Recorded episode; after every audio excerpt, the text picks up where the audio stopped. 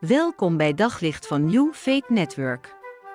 Luister elke dag naar een korte overdenking met inspiratie, bemoediging en wijsheid uit de Bijbel en laat Gods woord jouw hart en gedachten verlichten. Ik heb een peuterdochter die bij van alles wat ze tegenkomt zegt: dat is van mij. Het kan best frustrerend zijn. Haar uh, oudere broer en zussen maken haar regelmatig duidelijk dat er toch wat anders zit. Vooral als ze zich aan een van hun bezittingen toegeëigend heeft, dat ze een van hun bezittingen gepakt heeft. Wij als ouders zijn inmiddels wel iets gewend. Het is, het is een fase. En die fase heeft volgens Google zelfs een naam. De is van mij fase.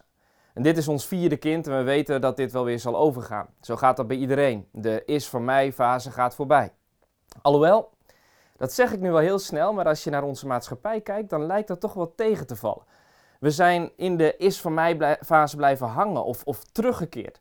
Er zijn te veel mensen die na hun kleutertijd nog steeds doen alsof de hele wereld van hen is en om hen heen draait. Ik moet niks, dat bepaal ik zelf wel. Ik centraal. Of zoals iemand ooit zei: Ik ben geen egoïst. Weet jij wel wat een egoïst is?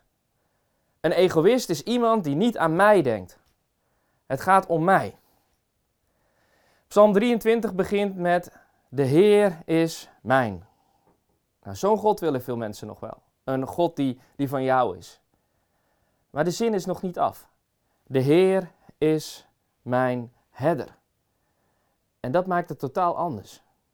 Ooit vroeg ik eens aan een meisje van een jaar of acht: Als nou de Heere God je herder is, wat, wat mag jij dan zijn? Een schaap was meteen haar antwoord. De Heer is mijn herder. Dat zegt iets over de Heere God, maar dat zegt ook iets over degene die dat zegt. Want een schaap wordt door een herder geleid. Een schaap is het eigendom van iemand anders. Volgens het spreekwoordenboek is het zelfs geen mooie situatie als, als schapen zonder herder zijn. Maar goed, het spreekwoordenboek kan nog meer vertellen. Het is een feit dat veel mensen liever hun eigen leven leiden dan dat ze zich laten leiden. Als je je als een schaap moet laten leiden, dan heb je het niet in eigen hand. En dan moet je er maar op vertrouwen dat het goed komt. Dat klopt helemaal. Als je je laat leiden, dan komt het aan op vertrouwen. Vertrouwen op de herder.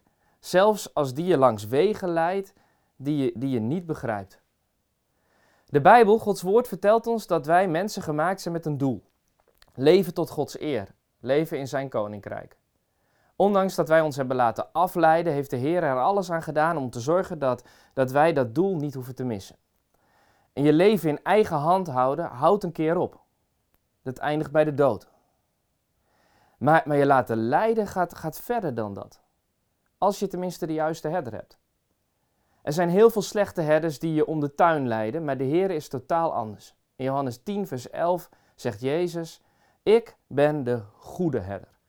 Waarop hij direct laat volgen en de goede herder, die, die geeft zijn leven voor de schapen. Door wie kun je je beter laten leiden dan door Hem die zelfs de dood is doorgegaan om ons het echte leven te geven? Waar laat jij je vandaag door leiden? Op zoek naar nog meer geloof, hoop en liefde. Op New Faith Network vind je honderden christelijke films, series en programma's. Nog geen lid? Probeer het 14 dagen gratis op newfaithnetwork.nl.